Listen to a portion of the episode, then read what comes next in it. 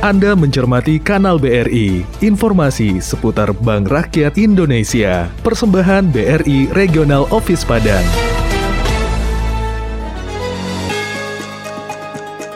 BRI melayani setulus hati.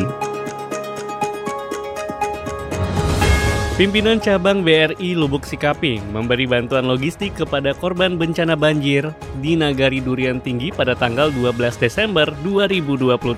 Bantuan ini diterima oleh Sekretaris Nagari Durian Tinggi dan bantuan tersebut diberikan berupa sembako yang dibutuhkan oleh masyarakat Nagari Durian Tinggi yang terdampak banjir beberapa waktu yang lalu. Pimpinan cabang BRI Lubuk Sikaping Romanata menyebut bantuan sembako ini diberikan sebagai bentuk kepedulian Bank Rakyat Indonesia kepada masyarakat dan dan ia berharap bantuan ini dapat memberikan manfaat dan juga berkah untuk masyarakat.